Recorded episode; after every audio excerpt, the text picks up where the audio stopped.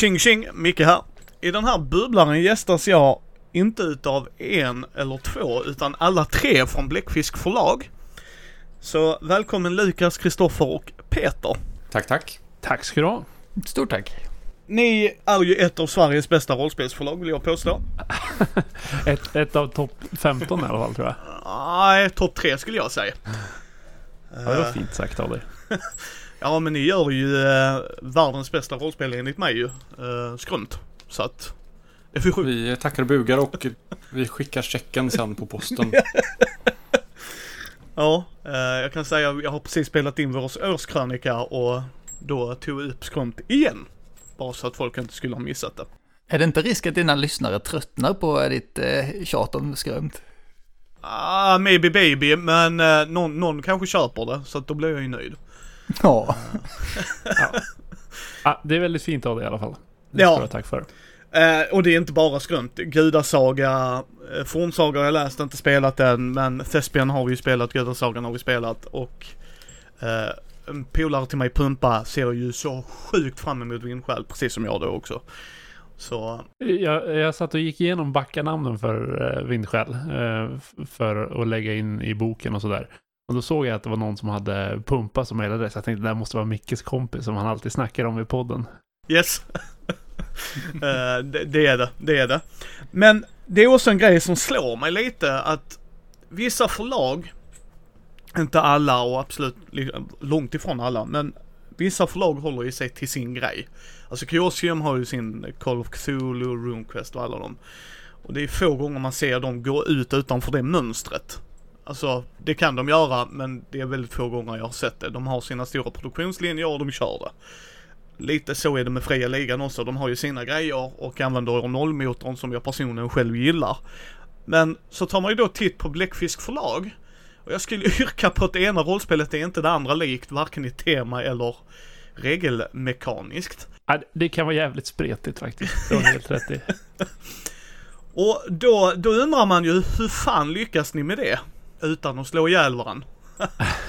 Men jag tror det som skiljer oss egentligen från de här stora förlagen, det är ju att vi är alltså rent eh, praktiskt ett indie-förlag. I den traditionella bemärkelsen att eh, det är eh, skaparna som äger spelet. Så att det är ju egentligen Skrömt och, och Gudasaga och, och de här spelen är ju utgivna av Bläckfisk förlag. Men de är ju Skrömt är ett Kristoffer Warnberg-spel. Eh, och på sätt och vis, Fredligan har ju också så här med Nils Hintze som har skrivit Väsen och Tales from the Loop och sådär. Men det är fortfarande, de kör ju mer förläggargrejen och Chaosium gör ju verkligen det. Även om man kan ta in författare och sådär så står det liksom inte författarnamnet på framsidan av boken och sådär. Så att det är väl den inriktningen som gör att det är förlaget som ger ut våra spel. Författarna som skriver dem, vi slipar dem lite grann och sen bara publicerar vi spelet och distribuerar det och sådär, men det är fortfarande författarens spel. Jag tror att det är det korta eh, men utdragna svaret. Ja, eh, men det är ju ändå intressant för att ni stöttar väl varandra i alla projekt, som jag har förstått det som. Utåt sett i alla fall. Nej men det gör vi ju helt klart. Alltså det är ju väldigt mycket stöta och blöta och väldigt mycket... Alltså vi diskuterar ju väldigt mycket men försöker alltid hålla ett konstruktivt, en konstruktiv ton liksom. Ja. Men eh, det är ju lite att vi, vi kommer ju från ett håll där vi alla tre gjorde spel på egen hand innan och eh, mer eller mindre kom i kontakt med varandra genom att vi pratade spelteori och, och eller inte spelteori för det är en annan grej egentligen, men rollspelsteori. Eh, hur, hur löser man olika grejer och sådär. Så jag tror ju också att den ingången i förlaget gör ju att vi, vi har ju det Alltså vi, vi vill ha förståelse för varför vi gör på olika sätt och varför man har olika lösningar i vissa spel men inte i andra. För jag, jag är ju väldigt mycket för att ett spel ska göra en sak bra snarare än många saker dåliga. Och då behöver man skapa, eh, i, i de flesta fall så behöver man skapa någonting som är skräddarsytt för det man vill åstadkomma. Och då tycker jag ju att det rätta sättet inom citationstecken att göra rollspel på är att spelen ser olika ut mekaniskt och eh, hur de fungerar. Det beror ju på spelupplevelsen. Vill man ha ungefär liknande spelupplevelse i flera olika spel, då kan man ju gott återanvända motor och sådär. Eh, men ska man göra riktigt spretiga spel där de går ut på olika saker och, och handlar om olika saker och spelarna gör olika saker i spelen och rollpersonerna gör olika saker i spelen. Då behöver man ju eh, troligtvis anpassa regelmåtten lite mer. Sen är det väl så helt enkelt, vi kommer inte tillräckligt bra överens för att vi skulle ha någon sån här förlagsmotor för att alla vill ha olika typer av spel. Så det hade ju aldrig hänt. Men vi snor ju också mekaniker från varandra hela tiden. Alltså ju mer vi pratar om mekaniker, desto fler mekaniker dyker upp i flera av våra spel. Ja, det känns lite som att vi växer ihop med tiden. Men samtidigt är ju våra spel väldigt olika fortfarande. Men det börjar synas vissa mekaniker som, som korsbefruktar varandra. Så till slut kanske vi kan få ut en, en stor bläckfiskmotor. Som, men det lär ju dröja ett tag. Och även då så kommer det säkert dyka upp massa små spel som har helt andra motorer. Så att nej, jag tror, jag tror inte att det ligger i, i just vårat förlag att jobba så. Baksidan av det är ju att när man hoppar runt mellan olika motorer så får man ju börja om från början hela tiden. Har man en motor som man slipar på, man ändrar lite detaljer, eh, man har kanske till och med ett varumärke som man satsar på att bygga, som om man tänker Cosium och Call of Cthulhu, RuneQuest så här, då, då blir ju alla produkter på något sätt relaterade till de varumärkena och de spelen. Så då kan man ju pumpa ut scenarion och nya utgåvor och sådär. Börjar man spreta och göra olika spel då, som sagt, eh, man får uppfinna hjulet varje spel man gör i princip. Och vilket också är en av de roligaste delarna i spelskaparna tycker jag. Alltså i att hitta på en ny mekanik och skriva ett nytt system är ju nästan det jag tycker är roligast när jag skapar spel.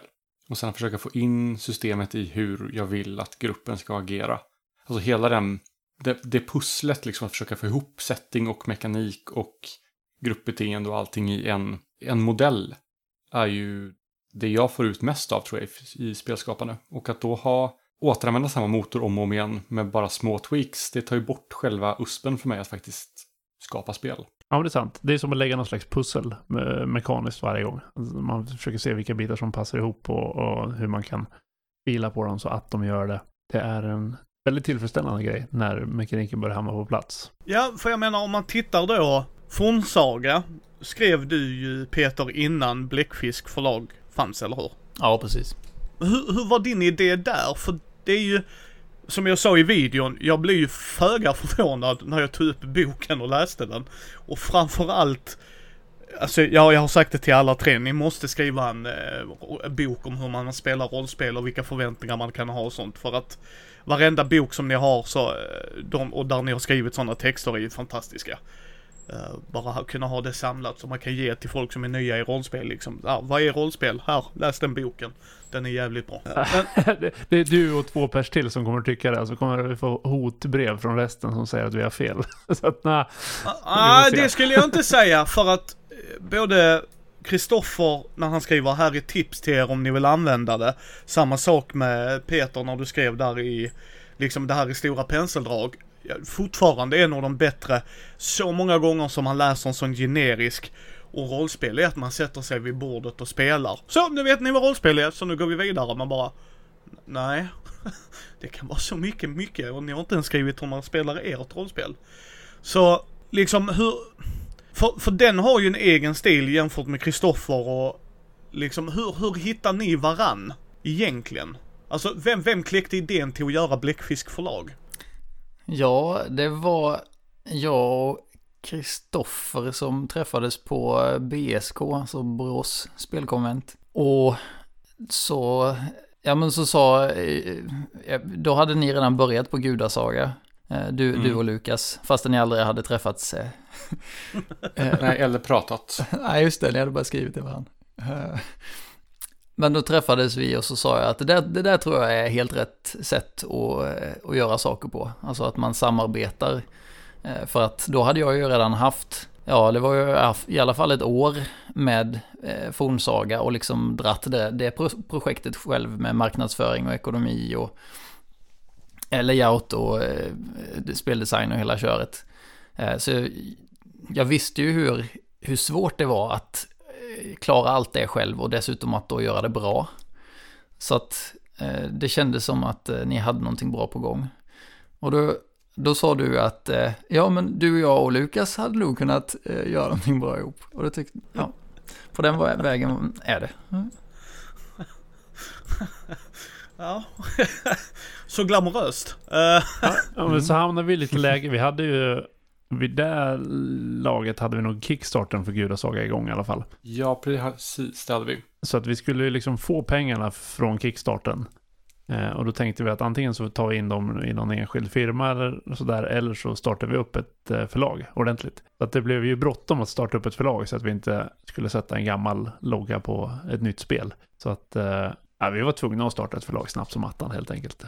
Ja men det är härligt. Det är, det, jag tycker att det är skitbra det ni har gjort ju så att men, för det är det jag menar, du hade fornsaga där Peter. Hur, hur kom det sig att du ville göra det? Ja, alltså jag tror att alla spelskapares eh, på något sätt drivkraft till att skapa rollspel kommer ju ur någon form av missnöje med det som redan finns. Eller, eh, eller ja, det kan ju vara eh, att man har dålig koll på vad som finns också. Eh, det tror jag faktiskt att det var i mitt fall. Men eh, jag hade liksom spelat eh, rollspel, mycket Drakar och Demoner. Jag minns hur det var och jag tänkte att så där behöver det inte vara. Och sen så började jag liksom rota runt vad det, ja eller så fundera på hur man kunde lösa olika situationer och sådär. Och sen så det, det som på något sätt blev tydligt under processens gång, det är ju hur, hur himla komplicerad den, det traditionella rollspelandet är. Alltså själva aktiviteten är skitkomplex egentligen. Eh, så att jag tyckte ju att det saknades i alla rollspel vad, eh, alltså hur går det till egentligen? Alltså så här, vad, för då hade jag ju börjat läsa in mig lite grann på, på rollspelsteori och sådär och lyft liksom på täcket att det kan vara så himla många olika saker. Det behöver inte bara vara det här, det här som man, som man tänker sig att det är, alltså en, ens eh, förutfattade meningar. Så att rollspel måste ju berätta vad det är för typ av rollspel så att man vet hur det ska spelas. Uh, och det var ju inte helt lätt. Nej, det kan jag tänka mig. För du har ju en annorlunda väg att gå. För, för jag menar, jag, jag kommer ihåg att jag frågade det när jag träffade dig och eh, dig Lukas och Kristoffer på eh, Gothcon 2019. Och den gamla goda tiden ja. corona. ja. De har fortfarande träffades på konvent. Ja. Ja, då pratade ni om gudasaga hur, jag tror det var du Kristoffer som hade lyssnat på American Gods. Det stämmer. Ja. Men det är ju också det som är intressant liksom att du har fornsaga Peter, sen kommer de med gudasaga. det är ju så här i efterhand jävligt olyckligt att vi döpte det så. Jag, jag och Lukas hade ju ett samtal om det. Alltså, ja men gudasaga namnet är ju rätt likt fornsaga, men den tjommen kommer vi nog inte ha någonting att göra med. Så det borde inte vara något problem. Haha!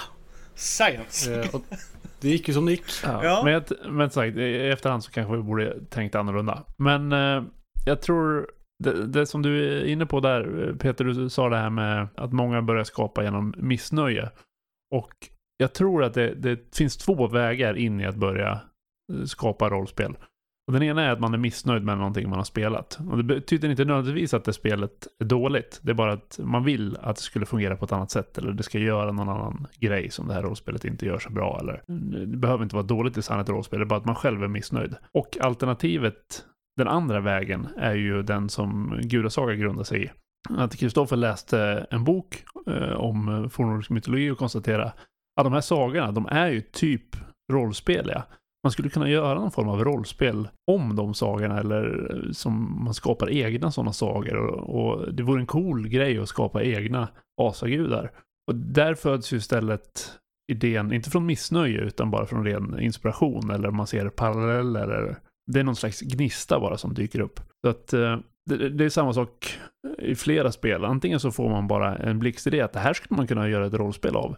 Eller så sitter man med något annat och tänker, ah fan, att inte göra så här istället. Och så är man inne på husregler och till slut så har man gjort ett rollspel. Jag tycker att den där vägen, att, att få en idé kring någonting som kan bli ett rollspel och sen göra om det till, eller så omsätta det i mekaniker, det tycker jag, jag är väldigt imponerad av de som klarar det.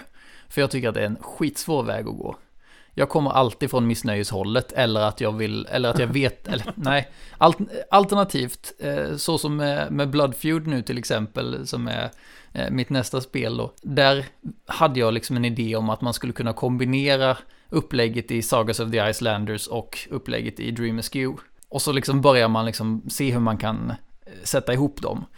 Och sen så visar det sig att det inte går och då börjar man plocka bort grejer och till slut så har man någonting som är nytt som inte liknar det som, som beståndsdelarna var från början. Men det är typ de, eh, de ingångarna som jag har. Ja, för då har jag en fråga till dig Lukas. Var i helskotta kom Thespian ifrån? Det är inte jag som har skrivit själv, utan det är ju Edvard som också är med i Fummelpodden. Ja, Eh, och, vi, och vi satt antingen efter att ha spelat in podd eller efter ett spelmöte. Eh, och då sa han, jag har en idé till ett spel där man spelar någon teatertrupp som ska försöka, man ska försöka efterlikna någon manus eller något sånt där som är oklart eller något sånt där. Eh, och han hade en ganska så här, traditionell rollspelsingång. Det skulle vara färdighetslag för att se hur duktig skådespelare man var. eller Någonting. Och då, jag tror att jag precis hade kommit hem från Lincoln där vi spelade ett spel som heter Follow, som var, så här, man var en grupp som gjorde saker tillsammans. Så den har en lite intressant mekanik där man håller på och röstar tillsammans hur det ska gå och sådär. Och jag tyckte att det där skulle göra sig mycket bättre som något flummigt, eh, smutsigt storyspel istället för Eh, något med färdighetslag och sådär. Så att vi började spåna på någon idé och där, men lite som Peter säger, mm, man får någon idé om grejer man kan kombinera, man sitter och eh, liksom lånar grejer. Mycket av min rollspelsdesign är att man blir, man får någon idé om vad man vill uppnå om man tittar sig omkring vilka spel känner jag till som har gjort någonting liknande eller har potentiella lösningar. Och så styckar man upp Eh, de här kropparna och, och av liken så bygger man någon slags Frankensteins monster som man eh, slänger på lite andra kläder och fyller ut lite där det behövs. Så att eh, jag kan inte ta på mig någon ära för just Thespian, för det var ju Edvards idé. Mekaniskt så, så funkar det ju precis som Peter beskrev, att man börjar plocka ihop olika delar. Och jag hade ju hört talas om eh, Daughters of Verona och jag hade hört folk spela där på konvent. Så jag tänkte så här att vi kanske bara gör Daughters of Verona nu. Eh, så att jag testade med lite folk som hade spelat Daughters of Verona. Jag skrev klart hela spelet innan jag läste Daughters of Verona. För att eh, få liksom en, en eh, oförstörd bild eller vad man ska säga. Och sen pratade jag med lite folk som hade spelat originalet eller vad man ska säga. Och, och de konstaterade att nej, det är inte samma spel, man gör olika grejer. Även om själva premissen är ganska lik. Så då tittade jag på det och konstaterade att ja, det, det är väl tillräckligt mycket skillnad för att det ska få vara ett eget spel. nej men det tycker jag. Det tycker jag definitivt. Vi spelade ju det. Det är ju ett av våra spel som vi kan ta fram när vi bara vill spela. Alltså det är ju fantastiskt för vad det gjorde. Så att, Ja, vad roligt. Tack. Ja vi skrattade så vi grät. Alltså alla, vid hela bordet. Och min polare Fredde som inte skulle spela, han var, besökte mig på dagen, sen skulle han hem. Han sa det till polarna över disken sen, Discord. Jag vet inte fan vad de skulle spela, men det var så flummigt. Ja, det är sjukt flummigt spel. Det är Ja. kaotiskt, stökigt och eh, mycket nonsens. Men roligt nonsen. För, för det är det jag tycker är så intressant med det ni gör. För sen, sen har vi ju Skrönt då. Och Skrönt är ju inte Thespian eller Fornsaga eller Gudasaga. Det är ju ändå personlig skräck. Och hur kom det till? Alltså det börjar ju på ett helt annat plan än där det landade. För många år sedan kollade jag på Supernatural och tänkte, fan skulle man kunna sätta Supernatural i Sverige med svenska väsen istället? Och det, så helt, jag har ju skrivit skrumt i tre versioner tror jag. Första versionen var i nästan ren BRP och var just den här mycket mer actionorienterade dip, man, diplomati med olika väsen och action och, och mer, mer sånt liksom. Och sen började jag läsa in mig mer och mer på karaktärsutveckling och alltså storytelling-teori och insåg att det här är ju mycket, mycket intressantare för just det här spelet. Så det var väl den vägen det gick någonstans. Och det skiljer sig väldigt mycket från exempelvis Gudasaga och Thespian på väldigt många plan. Oh ja, oh ja. För, för det är ju det jag tycker är så intressant ju att Ja, jag har sagt det i podden och jag säger det igen. Varje gång ni släpper någonting så är jag där och alltså nosar. Alltså det spelar ingen roll. Alltså, ni skulle kunna kalla det i princip vad som helst. Så skulle jag ändå, det här låter intressant, det här ska vi titta på. Det är ju det finaste betyget man kan få som spelskapare. Faktiskt. Och, och särskilt eh, eftersom det är ju så väldigt spretigt. Eh, så att jag vet inte riktigt vad den eh, gemensamma faktorn bland spelen är. Men det är ju roligt att du upplever det så. Nej men jag tror, tror så här, nu, nu känner jag ju er lite privat också, men ni slänger ju inte ut något som inte har någon tanke bakom sig. Alltså varenda produkt jag har läst, må hända om det bara är Kristoffers otroligt grymma skrunt eller Thespian som är också riktigt bra. Gudasaga, jag menar, liksom så här, vi vill berätta sagor. Eh, vi ska tävla i det här, för det är det de nordiska gudarna gjorde mer eller mindre. Alltså, liksom att du har din take Peter på fornsaga som jag sa när jag läste den, jag blev så förvånad. För jag tänkte nu är det här något tabellrullar och så när jag läste den bara, eh, nej. Det var det definitivt inte. Det här var, oj jävlar vilka intressanta idéer och så. Och det är ju det som gör att ni, ni tar ju någonting till bordet som jag tycker blir så intressant. För om du skulle lyckas där med vindskäl, du kommer helt plötsligt med vindskäl. Jag har sett ditt gudasaga, jag har spelat Thespian, alltså där du har varit med och gjort grejer. Vindskäl är ju ingenting med dem. Alltså sådär. Alltså själva den idén. Och då fattar jag att, nej men då har nog Lukas tänkt. Vilket gör att när Peter kommer med sitt nästa projekt kommer jag också, de, de har ju inte bara tagit en grej och sen bara, nej men det här blir nog bra. Vi kör på det, det känns med. Utan ni har ju en eftertanke bakom det, varenda spel ni har gett ut hittills. Och då gör ju det att ni har mitt öga. Sen, kommer jag spela alla? Mm, kanske inte. Men idén är ju där. Och det är ju det som är så roligt när man hör hur ni peppar och stöttar och blöter mellan varandra och det. Och då är min fråga, hur fasiken gör ni det om ni har olika spelstilar? Jag, jag tänker att det, vi är lite grann perfektionister allihopa på, på lite olika sätt, men, men vi, vi ifrågasätter ju alltid både liksom det vi själva gör och det eh, som, som de andra gör.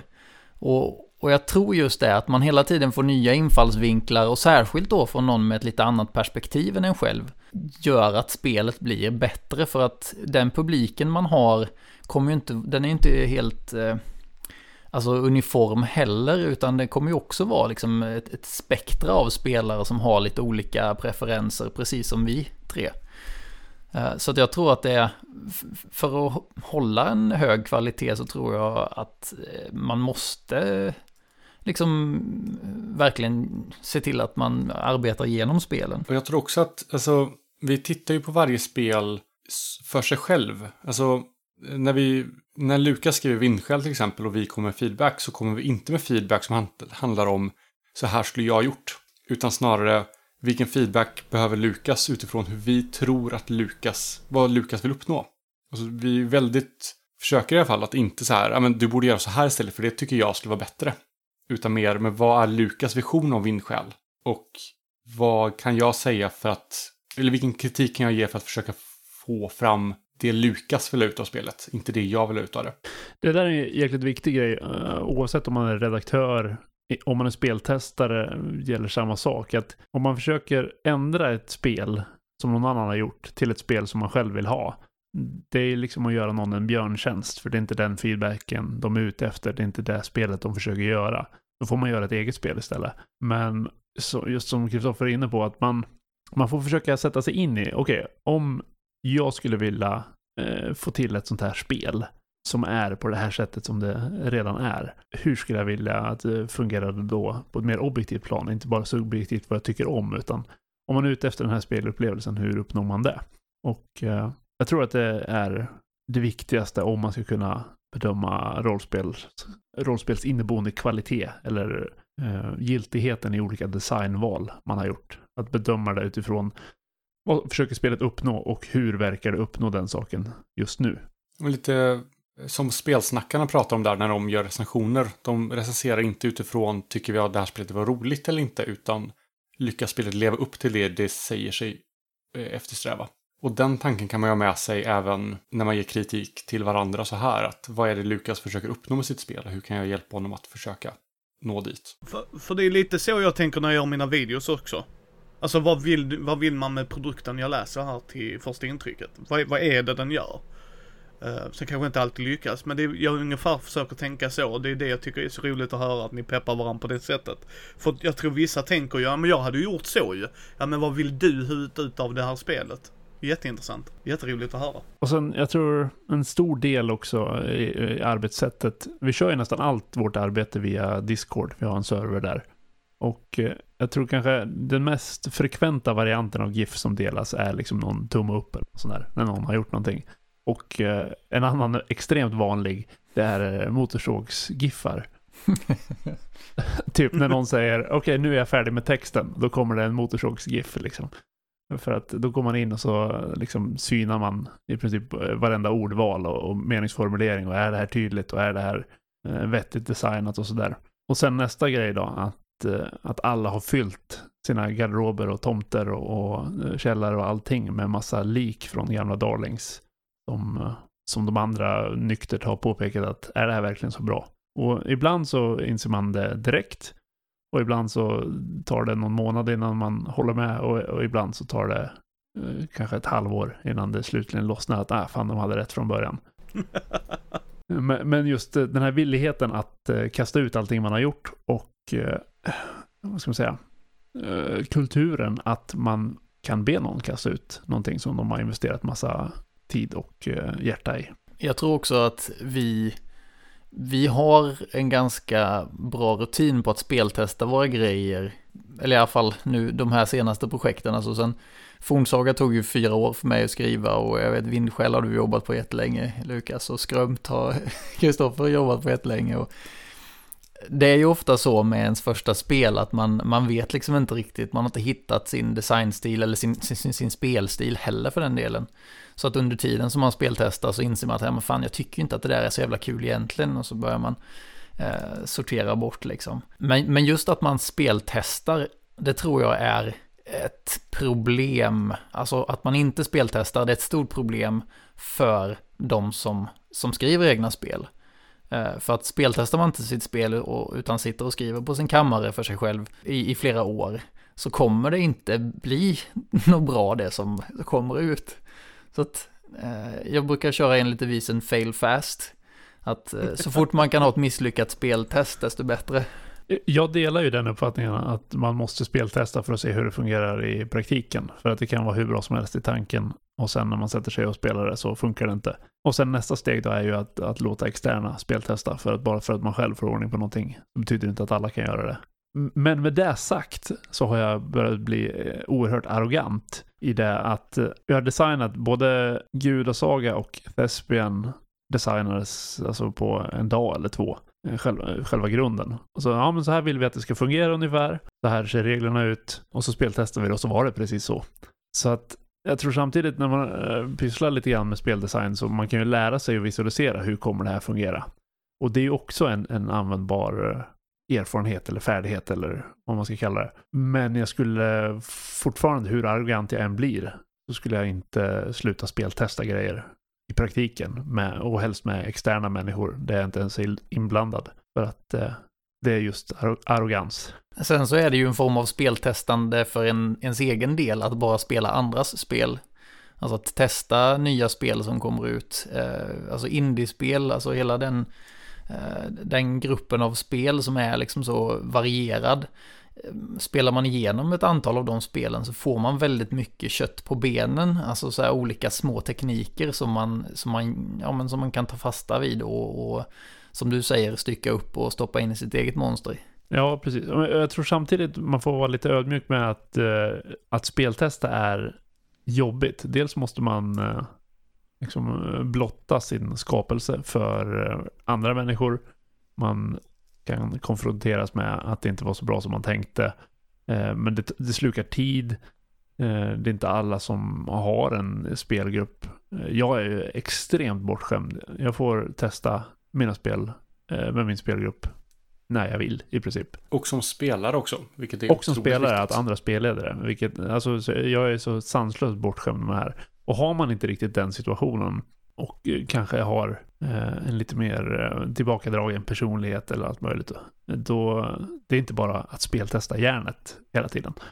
Så att, att få speltesta sina spel är ju egentligen en, en förmån. Och det tänker jag man ska vara medveten om. Och jag är ju helt klart av uppfattningen att det är bättre att få ut ett spel och sen får folk testa det själva än att man aldrig släpper sitt spel för att man inte har kunnat speltesta det med andra människor. Så att jag, jag förespråkar att man speltestar, men ja, man, man får vara lite ödmjuk kring möjligheten att göra det också.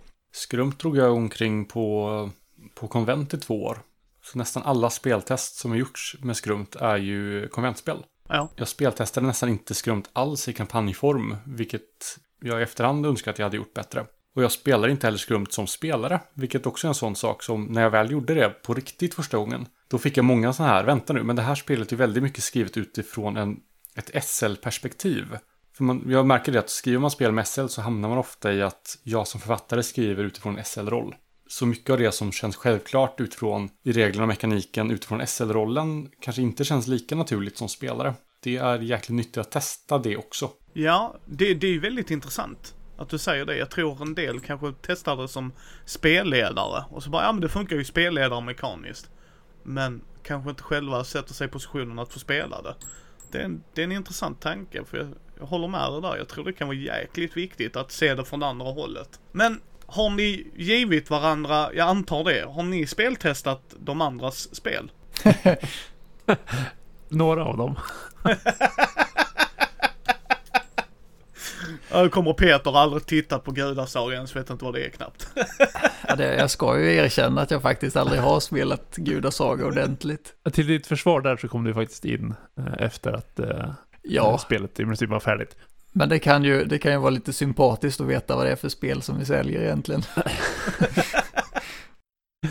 Men det värsta, det värsta med att jobba som redaktör på de andra spelen är att man är så fantastiskt trött på deras jävla spel när det väl är färdigt, så man vill aldrig se det igen. Ah. eh, och med sitt eget spel så är det ju ännu värre förstås, men, men det är ju som ett barn på något sätt, att även om, även om man hatar det så älskar man det. Men andras barn är ju sämst. Ja, det är härligt med pappor jag gillar barn men jag hatar din unge. Nej men jag kan absolut förstå det. Alltså jag kan verkligen förstå det. Men hur mycket finslipar ni? Alltså hur mycket lyssnar ni på varann? Som ni säger, ni försöker ju liksom komma, vad är det för feedback kan vi låt? Men hur, hur mycket gör ni, så att säga? Alltså jag, jag skulle säga att vi är ganska minutiösa. Eller i alla fall jag. Jag har svårt att sätta mig med en text utan att liksom titta på varje ord och så liksom säga. Eller så här tänka hur tydligt är det, är det vad man vill säga med den här meningen.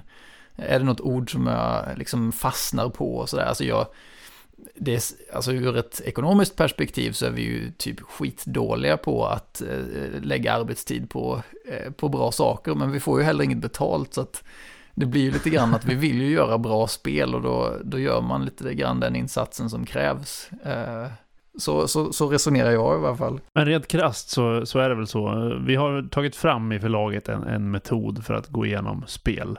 Eh, och den är vi lite så här halvdåliga på att följa för att det är svårt att skilja olika delar när man väl sitter och och ska gå igenom ett spel. Men vi har i alla fall ett antal runder där vi kör, liksom först titta rent eh, utzoomat på speldesignen, håller den, sen börja gå in på liksom, formuleringar av regler och sen gå in på ren korrekturläsning och sen gå in på en korrekturläsning av layout och sådär. Och lite yrkeshemligheter på köpet. Men eh, fördelen med att hålla det då är att man fokuserar eh, lite olika glasögon varje genomläsning. Men i praktiken då så blir det i princip eh, minst fyra genomläsningar av ett spel av alla i förlaget. Eh, där man verkligen eh, synar varenda ord och, formulering och eh, ja, det, det, det är väldigt skönt att känna nu är jag färdig med mitt grundmanus. Inte alltid lika skönt när man liksom två dagar senare har 750 kommentarer i dokumenten och, och liksom dokumentet är mer rött än svart. När vi lämnar in grundmanus så har vi 8 till 12 genomläsningar kvar ungefär innan det är klart liksom. Det, det är ju tur att det är väldigt få sidor i era böcker då höll jag på att säga. Eh, Ja, jag älskar ju att göra de här små skitspelen som testspel och, och sånt där. Jag hatar ju skrömt och vindsjälv i det här laget. Mm, de, ja, och då är det ändå alltså, hyfsat korta spel sett till vad rollspel kan vara. Oh ja, oh ja. Eh, Men de är ju ändå några sidor ju. Men ta det med själva utförandet av boken då. Alltså ni, ni läser grundmanuset och det, men om Kristoffer, har du, alltså illustrationer, layout och allt sånt där. Är det bara liksom att du kör på det och de ser slutet eller? Är det också ett samspel mellan alla tre? Så Lukas kör ju layout. Han är vår layoutare. Eh, bilder och sånt där diskuterar vi ofta fram. Man, den som skriver spelet har ju ofta någon slags vision om hur man vill att bilderna ska se ut. Och kanske till och med layout och loggor och sånt där. Eh, men vi har ju våra kompetensområden där. Och vi bollar väl fram och tillbaka. Man kan ju ta Skrumts logga till exempel. Det här Skrumterunan kallar jag den. Det här, eh, gud vad heter den Trollkors. runan nu?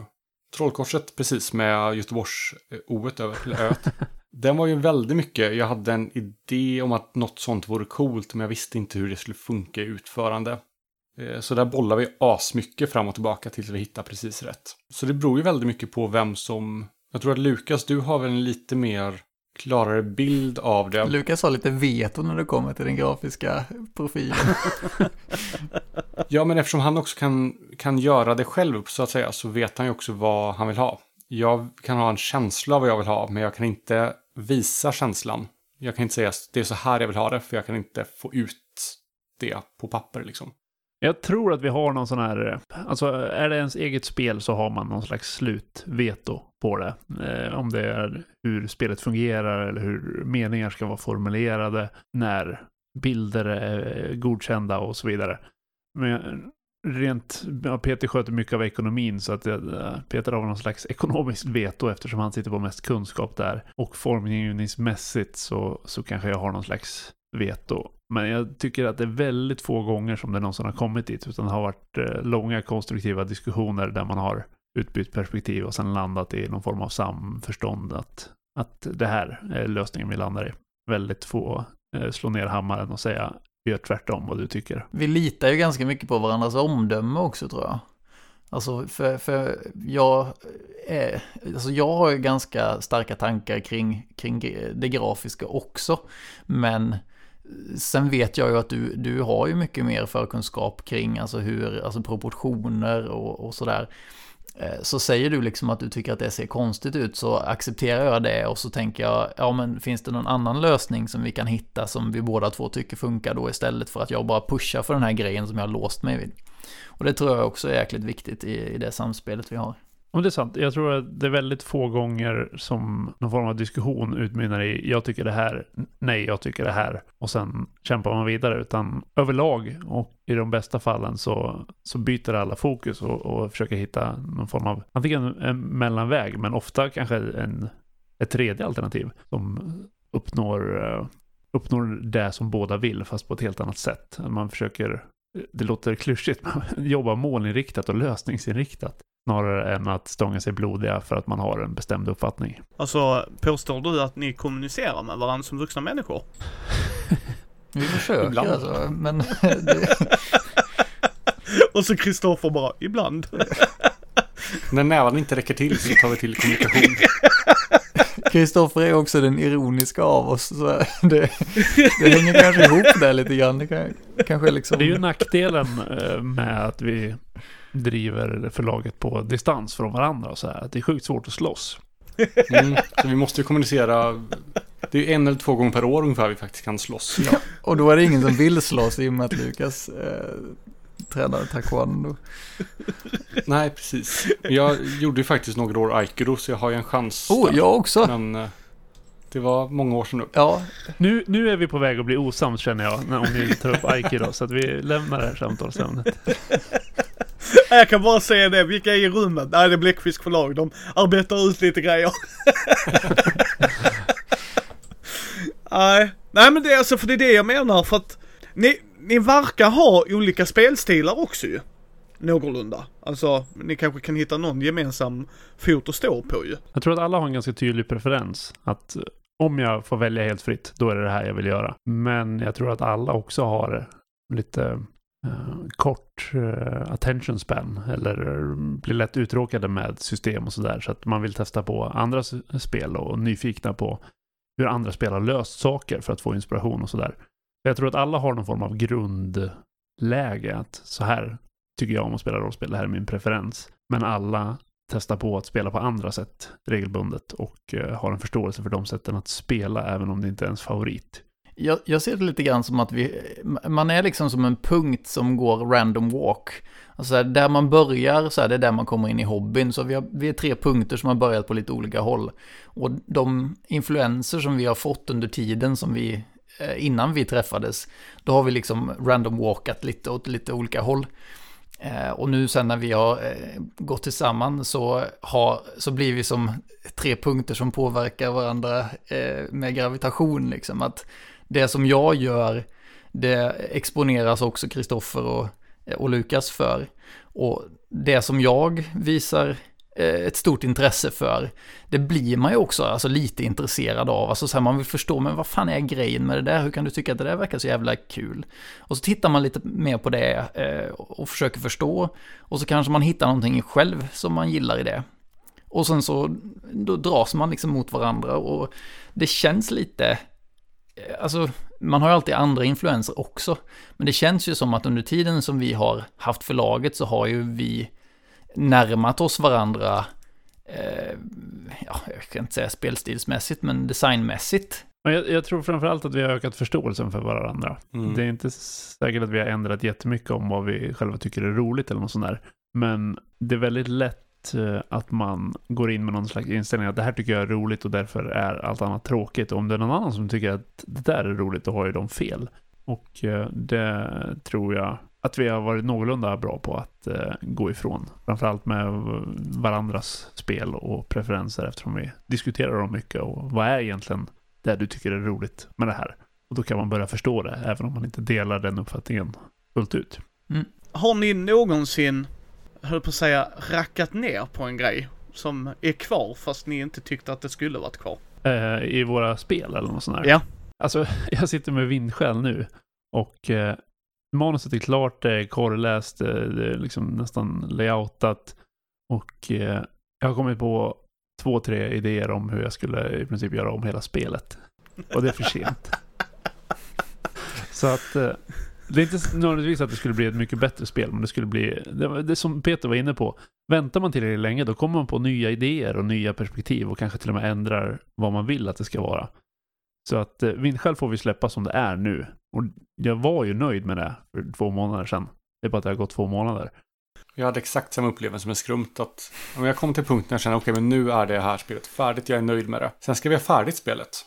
Och när jag hade gjort det, då insåg jag att men vänta nu. Men jag skulle nog vilja lösa det på det här sättet istället. För jag hade utvecklats som spelskapare sedan jag satte saker i sten. Mm, samma, Och då hamnar man i ett läge där det är så här, okej, men vi får, jag får, vi får släppa spelet med de här grejerna som jag inte är helt nöjd med. För vi kan inte ta tillbaka dem och göra om dem om och om och om igen. Det funkar liksom inte. Utan istället för att ta med de lärdomarna till mitt nästa spel och se till att jag redan från början tänker på det sättet, liksom. Vilket när det spelet är färdigt kommer att vara utdaterat. mm, Och som sagt, det handlar inte alltid om att man har designat fel.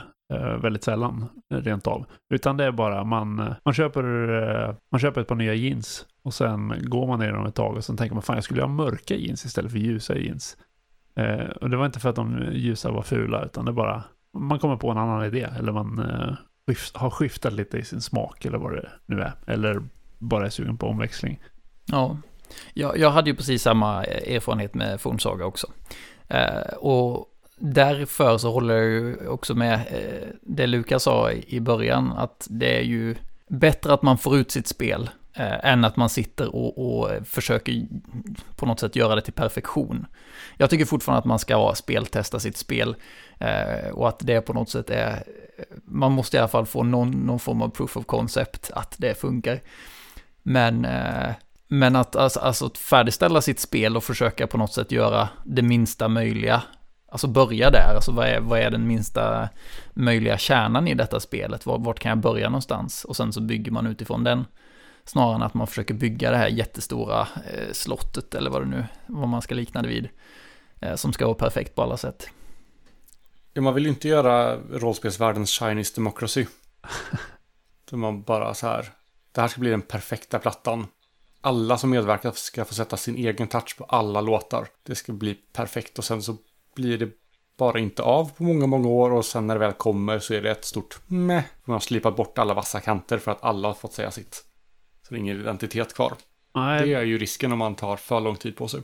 Ja, det är sant. Och, sen, vi har ju försatt oss i si- situationer med flera av våra spel där eh, vi har en Kickstarter att leverera.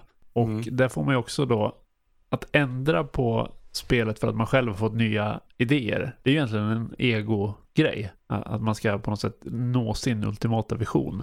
Men börjar man ändra för mycket på spelet då, dels får backarna vänta och dels så kanske de får en annan produkt än de köpte för att man har ändrat på detaljer. Man har, eh, ja, men som med Vind själv, vi har skickat ut speltestregler till alla som vill ha dem. Om vi då ändrar fundamentala grejer, då får folk inte den produkten som de trodde att de skulle få. Bara för att jag har fått någon idé om att det här vore kul att göra. Så att man har ju ett ansvar där också, tänker jag. Och det hände ju även när man speltestade på konvent till exempel. Jag fick ju någon kommentar om Skrumt där det var någon som hade spelat en väldigt tidig version på det och tyckte det var väldigt roligt. Och nu tyckte han att eh, fokuset hade ändrats lite sedan dess han, han testade. Så han var inte riktigt lika sugen på det. För att han tyckte att nej, det här fokuset på identiteter är inte riktigt det jag vill ha. Eh, och då, han har ju inte betalat någonting för det. Men om man då ändrar i en Kickstarter, att det är någonting man är pepp på, sen man får produkten så är det inte riktigt det. Det kan ju verkligen ställa till det för förtroendet som man har som förlag. Vi hade ju en missnöjd kund eh, i eh, Gudasaga innan, vi, fan. innan vi startade förlaget. Eller nej, det var två missnöjda kunder faktiskt.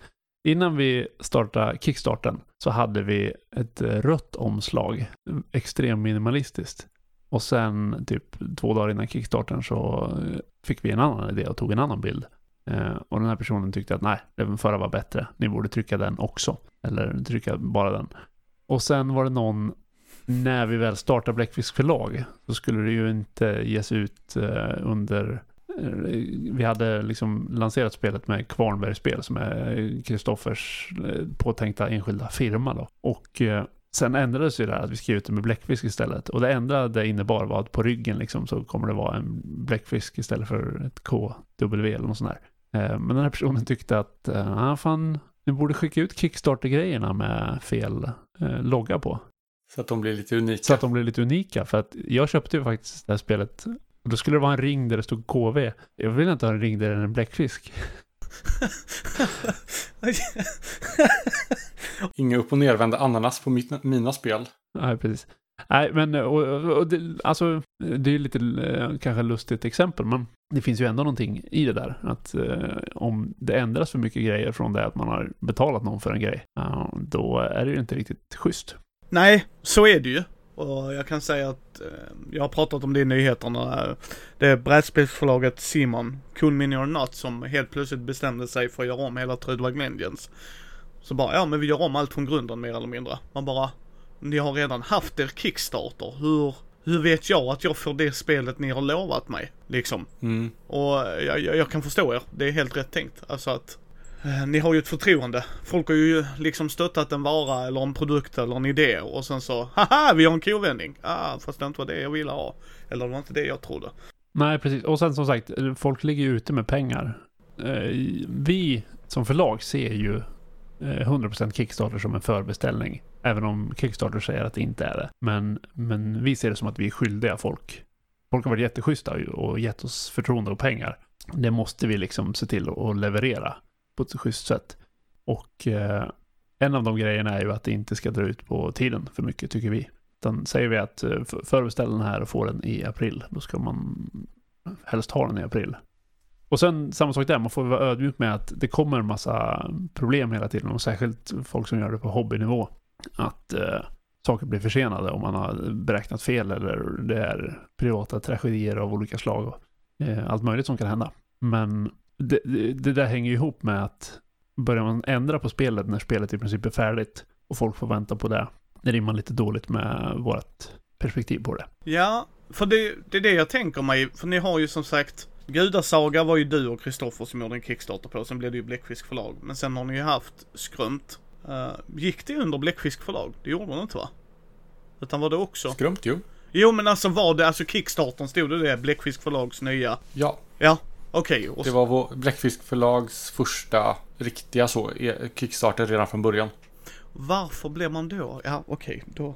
Jättebra Nej, det- man har då. Det var, det var Gudasaga-spelet. Ja, precis. Eh, för Jaha, Gudasaga okej. ändrades ju i övergången. Så, okej nu är jag med. Mitt i just Kickstarten. Nej, men liksom ni har ju kickstartat då eh, eh, Skrömt och sen nu Vindsjäl. Som fick ett bra positivt bemötande vill jag säga i alla fall. Ja, men det, det, vi visste ju liksom inte riktigt. Finns det någon efterfrågan för det här spelet överhuvudtaget? Eh, för det är ju väldigt mycket grimdark-grejer. Eh, och det är väldigt mycket eh, traditionell fantasy. Eh, så komma med någon, någon konstig fantasy som är färgglad och optimistisk kändes eh, rätt fel. Och att eh, det var så pass många som var nyfikna på det i alla fall. Eh, är ju väldigt roligt. För jag var ju väldigt taggad på det, annars hade jag inte gjort spelet. Ja, det hoppas jag.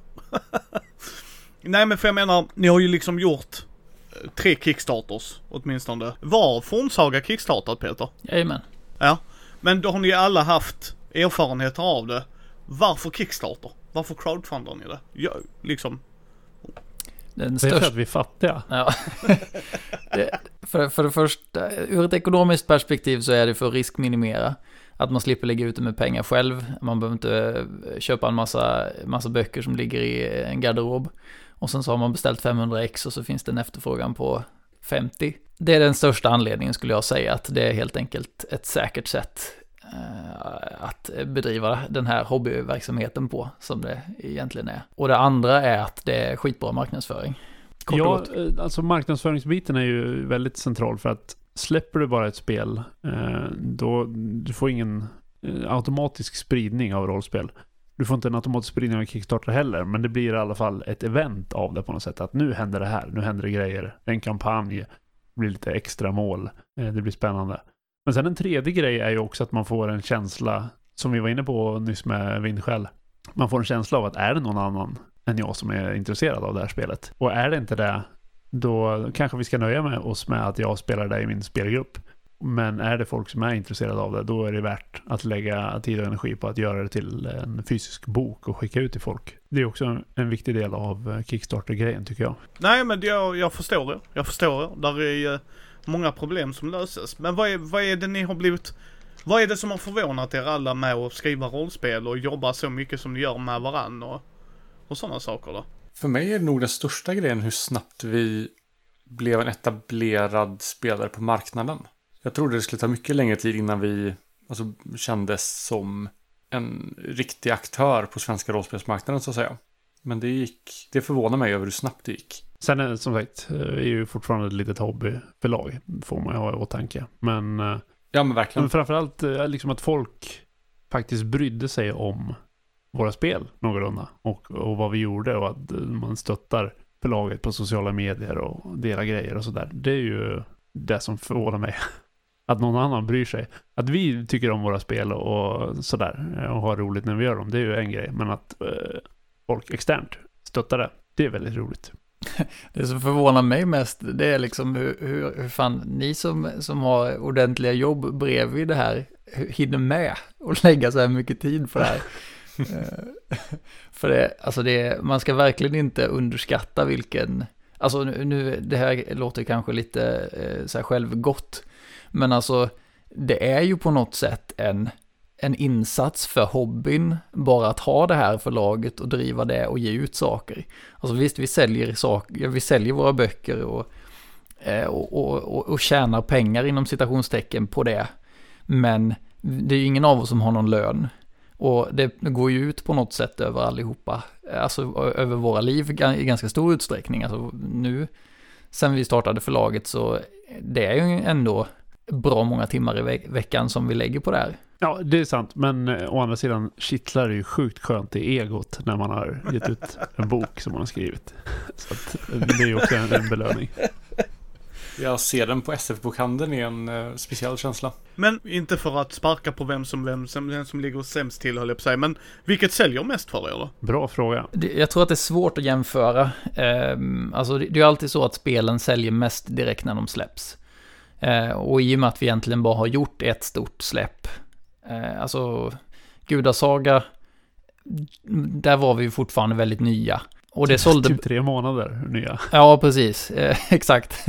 Eh, och det sålde, det sålde rätt, rätt bra då när, när det släpptes och sen så ebbade det ut. Och, och Skrömt har ju varit väldigt, eh, väldigt, eh, vad ska man säga, lyckat på så sätt att ja, men både Kickstarten gick bra och det var många som köpte boken när vi väl släppte den sen. Men också att vi har, vad de här även, eller inte äventyr, eh, scenario, att vi har eh, gjort dem gör ju också på något sätt att den här eh, att, att det håller uppe försäljningen på ett rätt bra sätt om jag nu ska jag prata lite om det ekonomiska.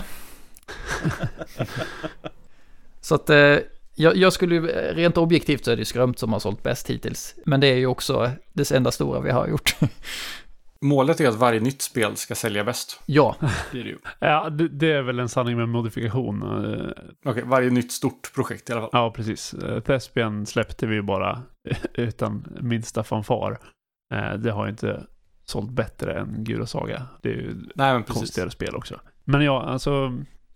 Det blir ju också när man... Eh, vi gjorde Gudasaga. Eh, vi fick med oss eh, kanske några från eh, Fornsaga. Och så har vi gjort Skrumt. Så att det, det naturliga är ju att fler och fler upptäcker förlaget. Och eh, förhoppningsvis blir nyfikna på vad vi pysslar med om man når ut till fler människor. Och nu har vi eh, levererat alla förlagets kickstarters i förtid och sådär. Och då kanske man bygger upp lite förtroende att eh, man kan backa grejer för man får grejer.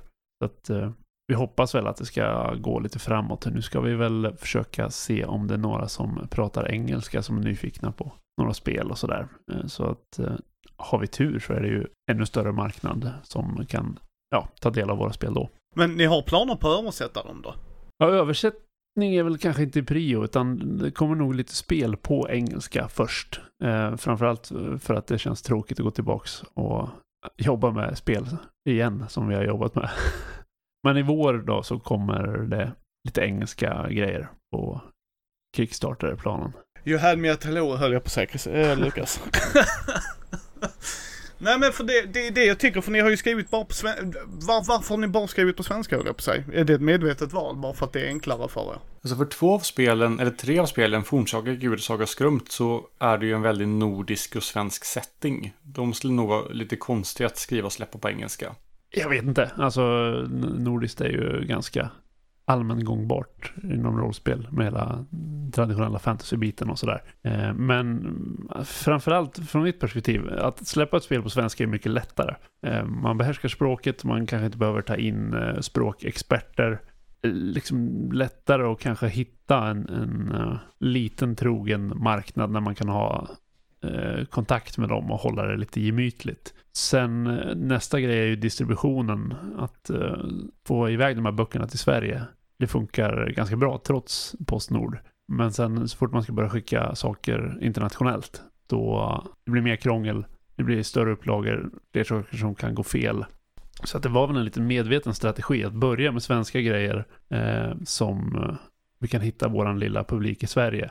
Och sen när vi behärskar det och har gjort vissa kickstarters och ser att saker fungerar och lärt oss av alla misstag. Då kanske vi kan ta något kliv större och eh, förhoppningsvis nå lite fler med lite bättre kontroll på eh, riskerna. Ja, nej men för det, det vad, jag tänkte vi kanske ska börja avrunda så ni kan återgå till era normala liv här alla tre.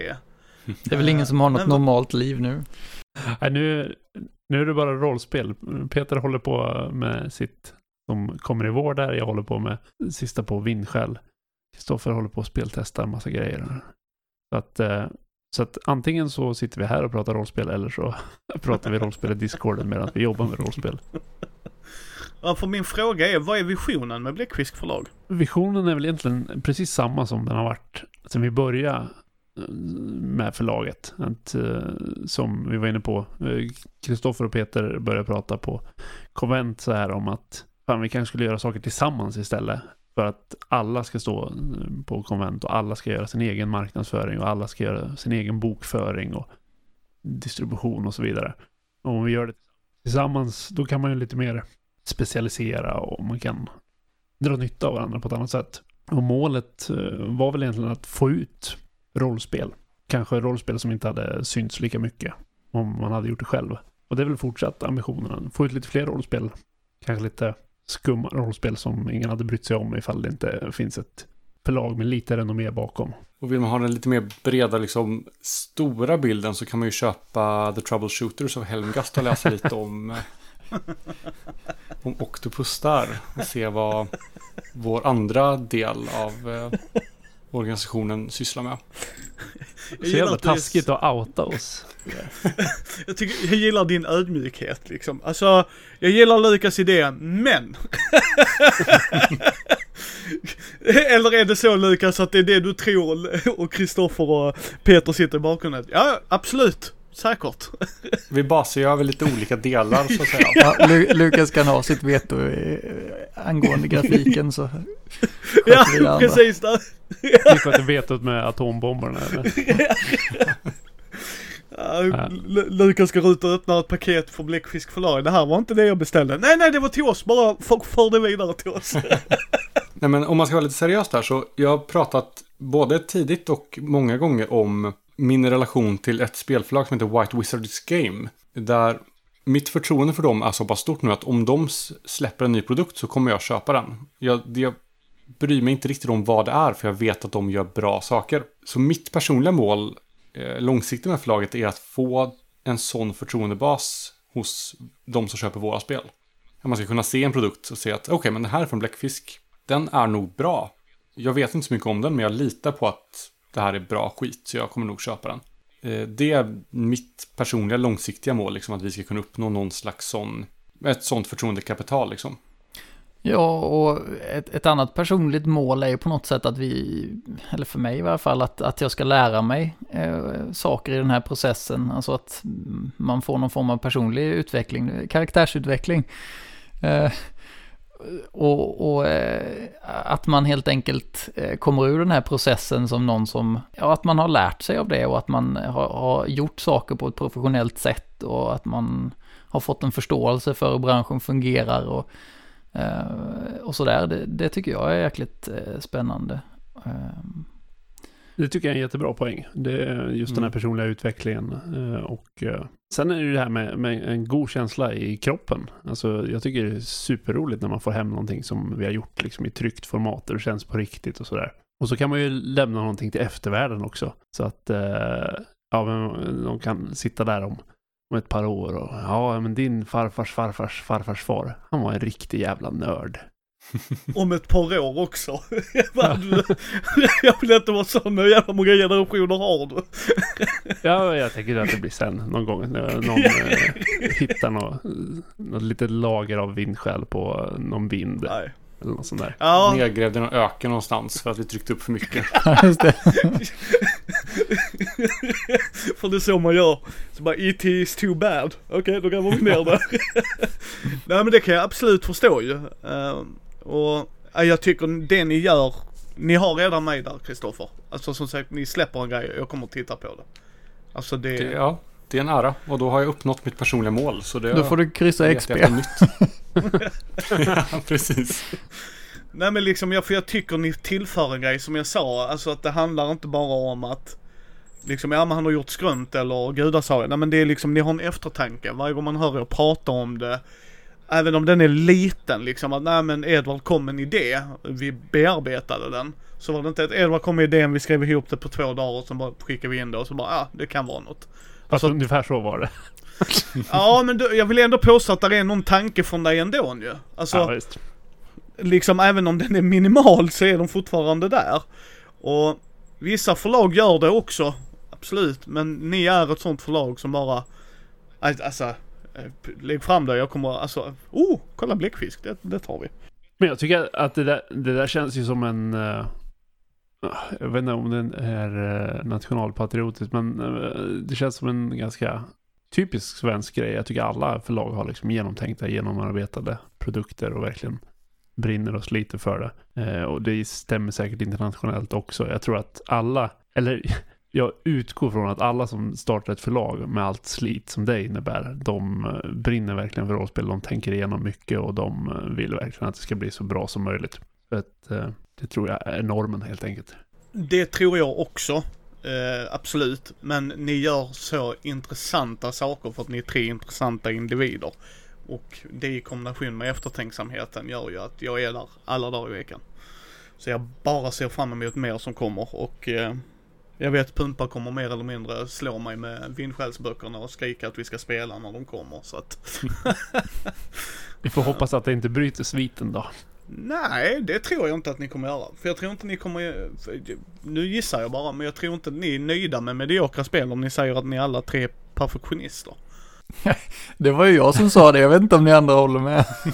jo, så här, vi är perfektionister, men det betyder ju knappast att vi gör perfekta grejer, för att vi har inte kompetensen. Eh, men vi gör så gott vi kan. Ja, precis. Men jag vill ställa en avslutande fråga, för det här tycker jag är intressant. Era partners, vad tycker de om det ni gör? Ja, min sambo, eh, hon, eh, vi träffades på live egentligen. Så att hon är ju också en nörd, men hon fattar inte det här med rollspel. Hon tycker att det verkar så jävla konstigt. Hon tycker att det verkar vara en skum grej. Och hon är alltså en sån där som sminkar sig och sätter på sig larvör, äh, liveöron. ja, det är samma sak. Och sprang runt och, och, och fånade sig i skogen. Eh, och hon fattar, tycker ändå att det här är konstigt. Men av någon anledning så, så får jag ändå en jävla massa stöd och kan bolla idéer och eh, det, det är väldigt generöst. Vi har ju en unge också. Och, eh, överseendet ibland där med att man sitter eh, och ska spela in en rollspelspodd eller sitta och layouta någon grej som ska in snabbt är ju fantastiskt fint. Ja, eh, jag, kan ju säga att min, eh, min sambo är ju heller inte ett dugg intresserad av rollspel. Det kanske också är lite det här att, att intresset på något sätt göds av ett missnöje med att man inte får spela tillräckligt mycket rollspel i, hemma liksom. Mm, ja, det, ja, det var ju ett av de inläggen vi la upp senast. Handlar ju just om, eh, om min fru som hjälper mig nu med mitt nya lilla projekt. Och, alltså, delar av det hade ju inte varit möjligt utan att få, få stöd, även om de inte riktigt alltid förstår vad det är vi gör. Eller eh, kanske inte alltid håller med om att vi prioriterar rätt när eh, man lägger kvällar på att sitta och läsa någon annans text för femte gången. Men det är ju ett fantastiskt stöd och det hade ju inte gått utan liksom. Jag, jag tror att det är egentligen samma sak där. Eh, om man har en om man har en, en, bra partner så fungerar det som att ha en bra partner i förlaget här. Att även om man inte riktigt förstår vad den andra håller på med eller varför den vill göra det där. Så stöttar man, man coachar, man försöker hjälpa till att få den grejen att bli så bra som möjligt. Eh, och sen eh, hjälper man varandra på det sättet med varandras projekt. Så även om det inte är ens egna favoritprojekt, om man kanske inte ens fattar grejen, så försöker man göra det så bra som möjligt och, och bidra till det på något sätt. Jag vill tacka er så hemskt mycket för att ni har tagit del i det här avsnittet. Det var så jävla roligt att ha er alla tre med samtidigt. tack själv. Det var väldigt trevligt. Mm, det var kul. Och skönt, skönt att vara i numerärt överläge. Nej men jag tycker som sagt hela tiden det är Varje gång jag ser ni gör någon grej, alltså det, jag är taggad till tusen. Jag tycker det är så roligt att se det. Och att ni har det drivet och att ni peppar varann och stöttar varann och, och att det går igenom. Jag tycker det, det är så jävla härligt. Och jag ser med stor förtjusning på er framtid och ser hur ni växer och, och vad som kommer komma skall. Jag tycker det är så jävla härligt att, att du öser beröm över oss. Det är superroligt. Ja, Tack ska du ha. det är väldigt fint. Vi blir alltid glada kan vi säga. Ja, nej men jag, jag tycker ni förtjänar det. Jag, om folk tror att liksom, ja men varför, nej men för jag tycker att det ni gör är positivt. Alltså, ni är inkluderande, ni, ni jobbar stenhårt med det alla tre på, på olika hörn och kanter liksom. Att det, alla ska kunna spela mer eller mindre, alla ska, man ska på något sätt kunna fortfarande inkludera folk. Och bara, bara den delen gör att jag tycker folk ska ta en titt på er. Uh, så att det var ja. jättekul att få ha er alla tre här samtidigt så att ni kan liksom discha skit på varandra som vanligt höll jag på sig. ja, ja, tack ska du ha. Och som sagt, eh, den där berömchecken kommer på posten. Ja, uh, sån, sån, sån lyx har vi inte. Men uh, fortsätt göra det ni gör så är det gott nog. uh, tack ska du ha. Tack ska du ha, Micke. Tack så mycket. Tack så mycket. Tack så mycket Micke. Tack för att ni har lyssnat på Mindys bräd och rollspelspodd. Ni hittar oss på mindy.nu eller på Mindys bräd och rollspelspodd på Facebook, Twitter, Instagram, Youtube. Vill ni stötta oss och det vi gör så ta en titt på vår Patreon. Gå gärna in och ge oss ett betyg på iTunes eller på vår Facebook-sida så fler kan hitta oss. Så hörs vi nästa gång.